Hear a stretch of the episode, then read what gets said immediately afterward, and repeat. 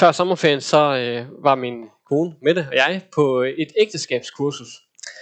Og øh, på det her ægteskabskursus, der øh, fik vi en øvelse, som vi skulle prøve, mens vi var der. Og det handler om, at man skulle prøve at gå over på den andens ø. Altså, hvis vi ser øh, to mennesker som to øer, så skal man over en bro for at komme helt over på den andens ø. Og det skulle vi simpelthen øve os i. Øhm, og det kan måske lyde let, let nok, men det er faktisk lidt udfordrende, når man tager de der lidt mere betændte emner op.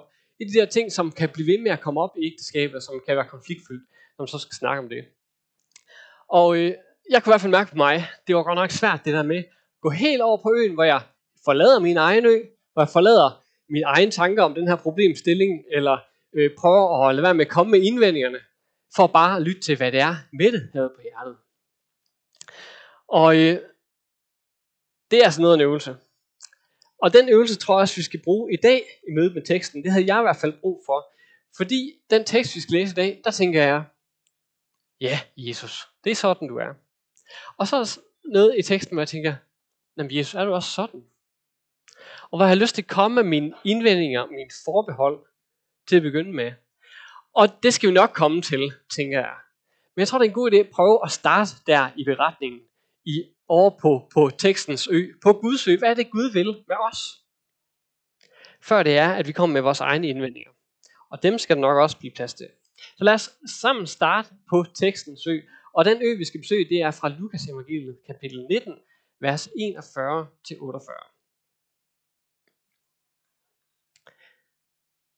Da Jesus kom nærmere og så Jerusalem, græd han over den og sagde, Vidste blot også du på denne dag, hvad der tjener til din fred.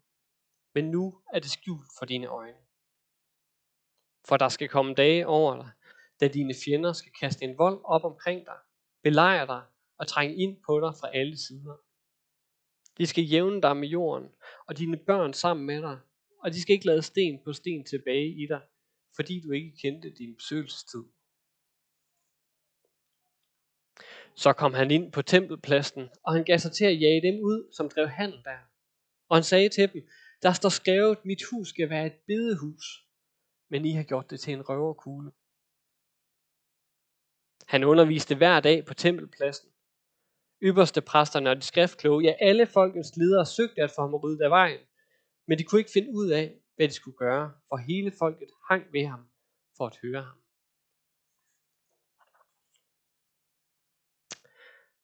Jesus er sammen med sine disciple på vej mod Jerusalem. I Lukas evangeliet så er det ved at nå sit klimaks, at Jesus han her i Jerusalem skal lide og dø, og så på tredje dag på vis opstå igen. Da han så er på vej her til Jerusalem, og han får et glimt af byen, så begynder han at græde. Han bryder simpelthen sammen. Han smertes i hjertet som, hjertet som en far eller mor, der er ved at miste sit barn når vi læser det gamle testamente, så kan vi godt tænke nogle gange, at Gud virker som en, som en hård Gud, som en ubarmhjertig Gud. Når vi for eksempel læser den her domsberetning i dag, eller når vi læser om syndfloden i det gamle testamente, øh, eller om Guds fred, som rammer Israel, eller, eller folket der. Og øh, selvom Gud i det gamle testamente også beskrives som barmhjertig, tålmodig, så er det ikke altid det billede, der står klarest for os. Men Jesus så sig selv som en Guds udsending, og han så sig selv i lyset af det gamle testamente. Så når vi hører Jesu grød, grødkvalte stemme her, når han siger, vis det blot også du på denne dag, hvad der tjener din fred, så ser vi, at Gud, som er den samme i det gamle testamente og i det nye testamente, faktisk smertes i hjertet, når det er, at mennesker ikke vil vende sig til ham. Han smertes over det. Og det kan vi se i Jesu øh, gråd her over Jerusalem. Og Jesus græder, og han bliver ved med at græde. For han ved, at det som Jerusalems indbyggere har sat deres tiltro og håb til, at alt det, det vil forsvinde. Byen vil forsvinde. Templet vil forsvinde. Det som der har været deres identitet. Det som de har tænkt, det er det vi er. Det vil forsvinde. Og det vil være et tegn for dem, at Jerusalem skal forsvinde, skal blive destrueret. Det bliver den også i år 70 efter Kristus. Øh, og det forudser Jesus her. Og det bliver et tegn for dem, som har forhærdet deres hjerter. At nu bliver det hele destrueret. Og så bliver det en advarsel for os, som ser på den her hændelse, om ikke at forhærde vores hjerter. Om ikke at lade hjerterne blive hårde, men tage imod Jesus, når han kommer til os.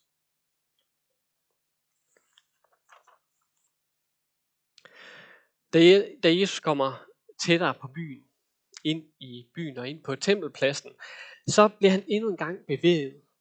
Han bliver vred.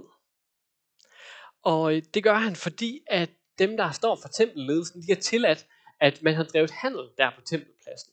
Det er simpelthen tilladt, at man står der og handler. Og det er jo ikke fordi, det var helt ud af kontekst, man handlede offerdyr, så det var noget, man skulle bruge i en tempel. Men det, der var problemet, det var, at øh, handlen foregik ude i det, der hedder hedningernes forgård. Altså der, hvor at dem, der ikke var Guds udvalgte folk, men hedninger, altså folk som dig og mig, der ikke var jøder, kunne komme og tilbe Gud i templet. Og kunne søge ham og finde fred og hvile der med Gud. Men det var blevet til en handelsplads, en markedsplads.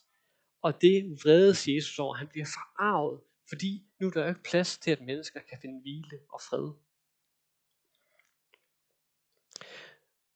Det bliver også for Jesus en, øh, et tegn, den her handelsplads på Jerusalems åndelige forfald, at lederen de er simpelthen det er fuldstændig forkerte inden for forsynsvide. De tænker ikke på, hvad det er, der egentlig kan give dem fred, og hvad der egentlig skal give folket fred. De tænker på noget helt andet. Det er skjult for deres øjne, hvad der kan give dem fred. Og derfor løber Jesus ind på tempelpladsen og driver de her handlende ud, fordi der er ikke fred. Der er ikke hvile. Der skal være plads til, at mennesker kan finde fred i Guds nærvær.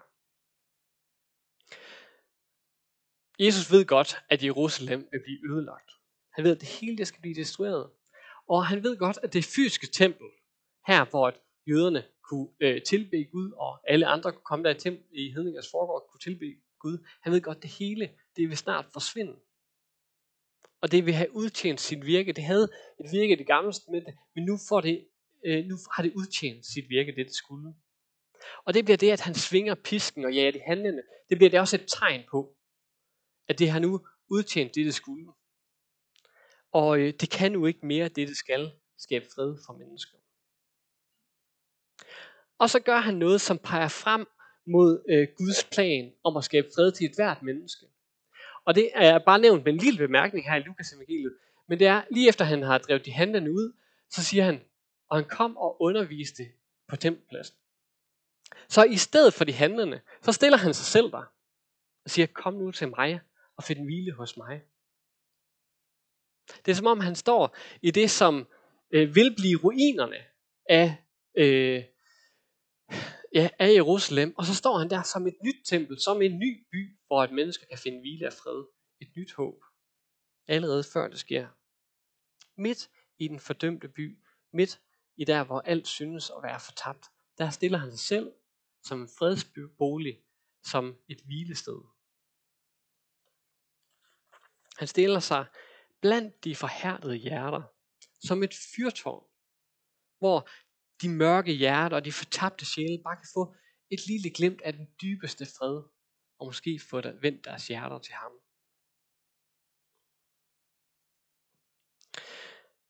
Mens han står der, Jesus, som det her nye, forfriskende, fuldkommende sted for fred, så er der faktisk nogen, der søger ham. Der er nogen, der fornemmer, her er der en fred at finde. Her er der et hvilested.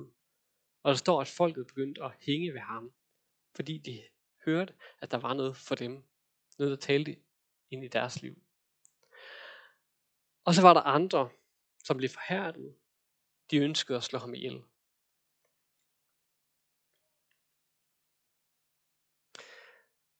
Nu er det tid til at gå fra beretningsø, tekstens ø, og så over på vores ø.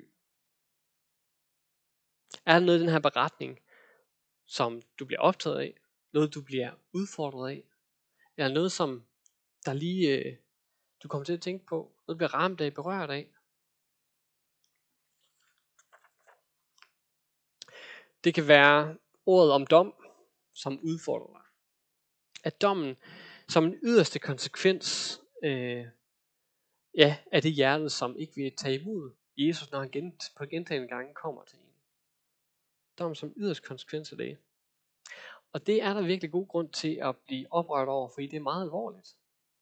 Er Gud virkelig sådan, at han lader mennesker dø? At han lader den her, Jerusalem, den her by Jerusalem gå øh, fuldstændig i ruiner, fordi at mennesker ikke vil vende sig til ham? Er Gud sådan? Og det ser faktisk sådan ud. Og Gud er jo den ultimative dommer. Han må dømme med den dom, han finder bedst. Og når jeg bliver udfordret det her, så må jeg spørge mig selv, hvem er jeg egentlig? At jeg kan dømme bedre end ham? At jeg kan dømme ondskaben retfærdigt i verden? Har jeg den tiltro til, at jeg kan det? Nej, jeg tror, jeg må overlade dommen til Gud.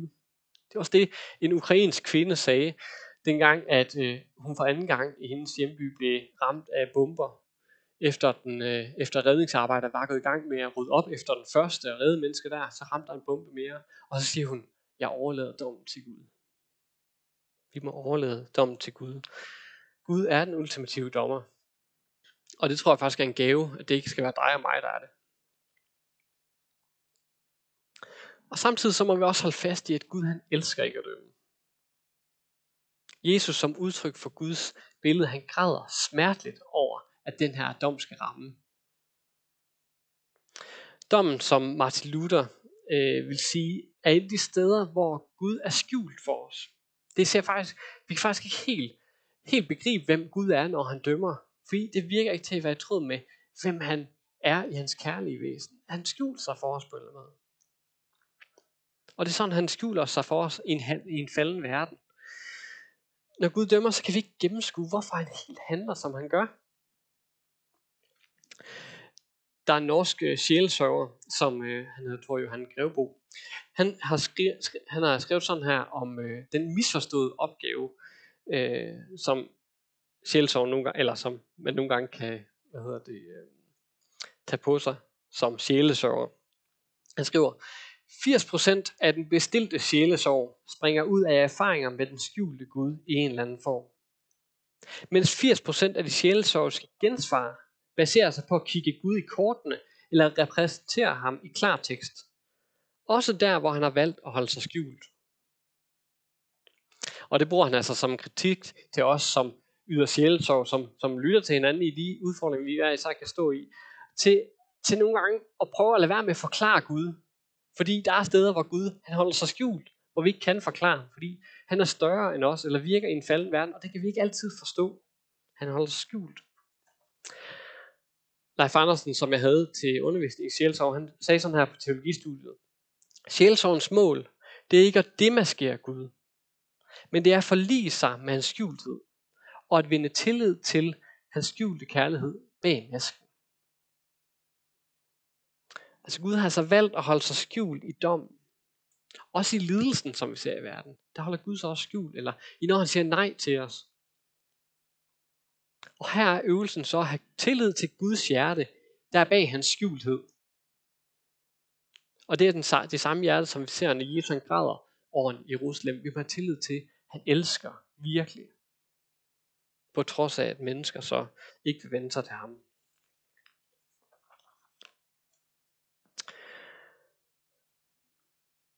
I med med teksten i dag, kan det også være, at du bliver ramt af længslen efter at hænge ved Jesus, ligesom folket hang ved ham. Jesus siger et sted, at folket er som får uden hyrde. Længes du også efter, at Jesus skal sørge for dig, skal være din hyrde. Skal være hos dig i det, du står i. Det mørke, du kan stå i. Lidelsen eller sygdommen, smerten, angsten, ensomheden. Så tag orden til dig om at hænge ved Jesus.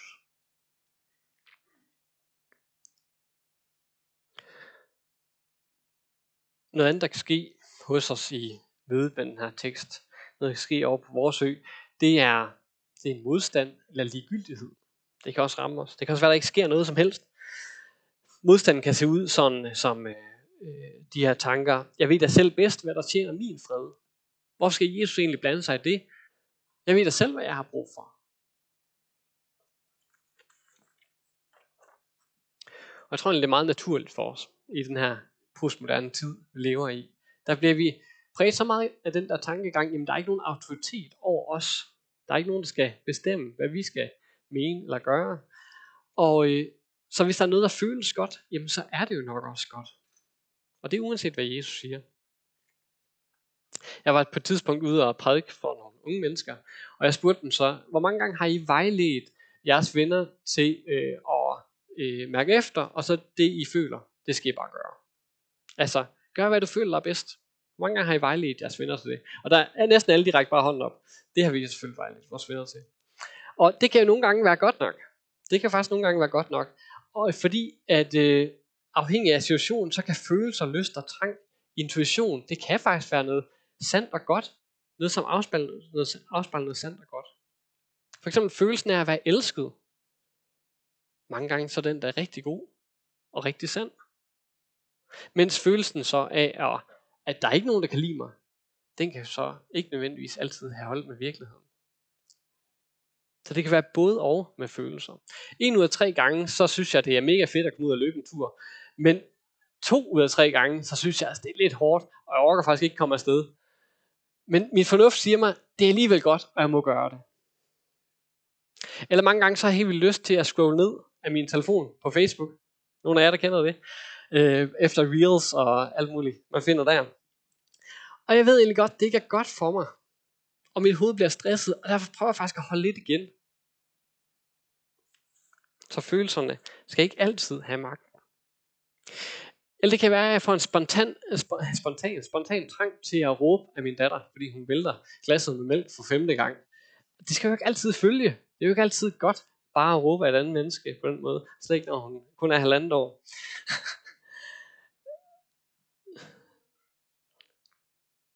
Lysten eller følelsen, det er ikke altid lige med godt. Det er ikke altid noget, der giver mening og fred. Så i den erkendelse, altså i, i erkendelsen af, at jeg nogle gange selv tror, hvad der er sandt og godt for mig, men ikke nødvendigvis altid er det. Og det er ikke altid, at jeg lyst til, at Jesus han skal sige det til mig i mit, i mit liv, hvad der egentlig er i fred. I erkendelse af det, så kan øh, jeg bede den her bøn, og det kan I være med til. Det er en bøn, som kirke, vores kirkefar Augustin har forfattet, og som vi også sang i en tekst øh, i lovsangen. Jeg er skabt til dig, Jesus og mit hjerte er uroligt, før det finder hvile hos dig. Jeg er skabt til dig, og mit hjerte er uroligt, før det finder hvile hos dig. Jesus, du siger, hvis blot jeg vidste, hvad der tjener min fred. Vil du bare vise mig det? Bryd gennem min hårde skal, og vis mig, hvor der er fred at finde. Og her svigter Jesus ikke. Tænk på, at Jesus efter at have set og ved, hvad der sker med Jerusalem, at det, altså, den vil forsvinde fuldstændig. Den vil destruere, de destruerede menneskehjerter vil blive forhærdet.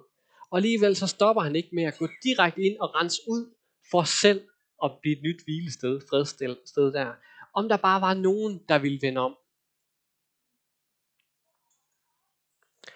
Jesus giver ikke op. Han har håb for det hårde hjerte. Håb for det forhærdede hjerte. Og tro ikke, at tingene ikke kan forandre sig. Det kan de. Jesus han kunne lave vand, vand til vin. Der er også Paulus, som var den værste forfølger af de kristne. Og var, altså, han var jo morder. Og Jesus viste sig for ham, og han vendte sit liv fuldstændig. Jesus kan gøre vilde ting, og det kan han også, øh, ja, for selv de mest mørke hjerter, mod modstanden, mod legyldigheden. I forlængelse af det kan det også være, at du kommer i kontakt med et ønske om at få renset ud. Ligesom tempelpladsen bliver renset. Jesus renser tempelpladsen for alt det der rod, som er, alt det der forstyr, at du har brug for at blive renset ud. At Jesus giver plads til dig, et, til et hvilested til dig.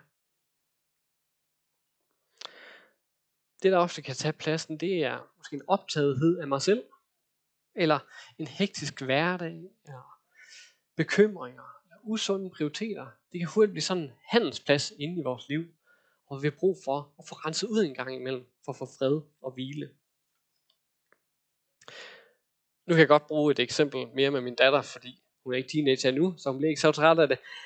Øh, Men i vores hjem, så er der ret mange dørtærskler, og øh, de er sådan lige lidt højere end resten af gulvet, og de er fuldstændig samme farve. Så det betyder, at hver eneste gang Frida hun løber ud i gangen, så vælter hun over den her dørstærskel. Uh, bum, så ligger hun der. Øh, min svoger sagde på et tidspunkt, hvorfor maler du ikke bare den der dørtærskel sort? Så kan man gå udenom, eller lade være med at gå derover, eller træde over den, i stedet for så man ikke falder over den hele tiden. Fordi han er også banket fod i på et tidspunkt. Og det kan man til at tænke på, at det er jo lidt det samme, som når det er, øh, Jesus, han vil, eller det samme Jesus gør, når han vil rense ud hos os. Han vil gøre det tydeligt for os, hvad det er, vi har brug for at, blive, øh, for at få renset ud i. Han vil male den her dørtærskel hos os sort, så det er, at vi ikke bliver ved med at falde over de ting, som går og tager pladsen i vores liv. Han vil rense ud. Han vil male det sort, gøre det klart for os, hvad det er, vi ikke skal falde over hele tiden. Så det er en del af udrensning, det er øh, at blive klar over, hvor det er, jeg fylder mit liv med noget, som egentlig dybest i, i dybeste, ja, på dybest måde skaber uro og ufred hos mig. Jeg snakkede på øh, i weekenden med en psykolog, og hun øh, sagde, at øh, hun havde mange samtaler med direktører og virksomhedsledere. Og noget af det, der var karakteristisk for den gruppe, det var, at når de følte pres i, øh, i hjemmen, eller pres på hjemmefronten, så søgte de fred i arbejdet. Det var der, de, de søgte hvile og fred. De søgte at komme væk. Men spørgsmålet er, finder de virkelig, hvad de søger der? Det tror jeg ikke, psykologen mente, at de gjorde. I 2013, så var jeg på discipleskole i Israel, og der havde vi en underviser forbi, der hedder Claus Munk. Øhm, og der var en som ham, der var optaget af Guds livgivende noget. Guds nåde var det største for ham.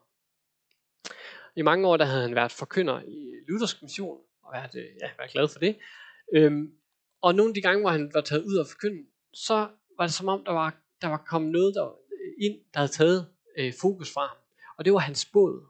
Fordi han elskede sin båd. Han var så glad for sin båd, og sætte den i stand, og male den og gøre den klar, og sidde der og nyde den. Så hver eneste gang, han begyndte at tage ud og forkynde, så tænkte han på den her båd. Og det voksede sig større og større for ham.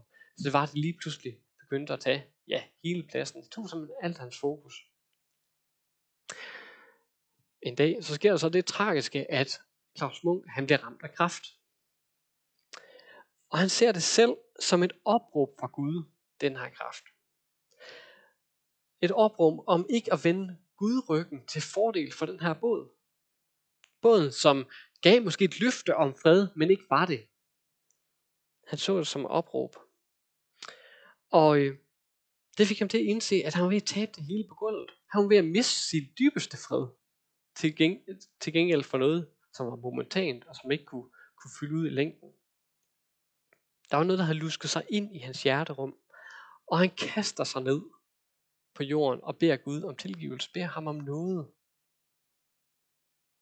Så det var, at Gud kunne blive en nye fredsted i stedet for båden. Og det var derfor, han var så optaget af Guds nåde. Det var, fordi han selv havde fundet noget der hos Gud. Fundet et fred, en fredsbolig og fået tilgivelse for, at han havde valgt Gud fra. Gud havde ryddet ud, Gud havde fået pladsen.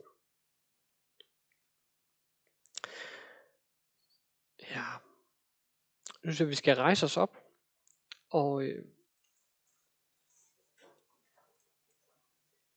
og bede sammen.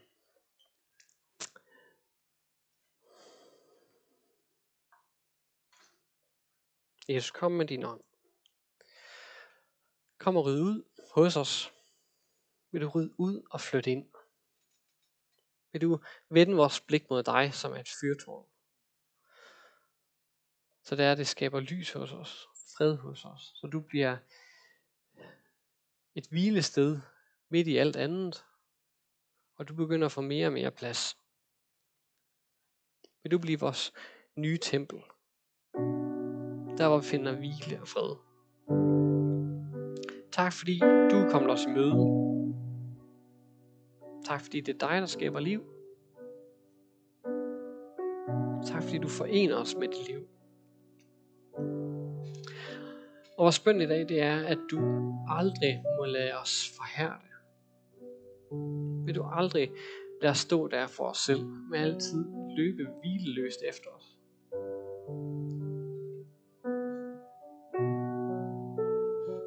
Hjælp mig til at finde hvile hos dig. Driv mørket ud. Forfrisk med dit væsen. Kom med din fred. Din smagsfulde, smukke fred. Opliv med dit liv. Fyld ud med den du er. Vil du tage pladsen?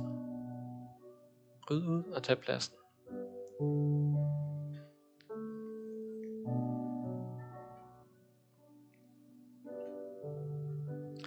Og mens vi om lidt fortsætter takken og bønden, så øh, kan man blive bedt for herovre i siden. Øh, så hvis noget bliver ramt af i dag, så gå over og blive bedt for. Det kan også være, du ikke har noget på hjertet, men gerne bare vil over blive bedt for, så gå over og blive bedt for. Så, øh, så kan du blive velsignet på den måde.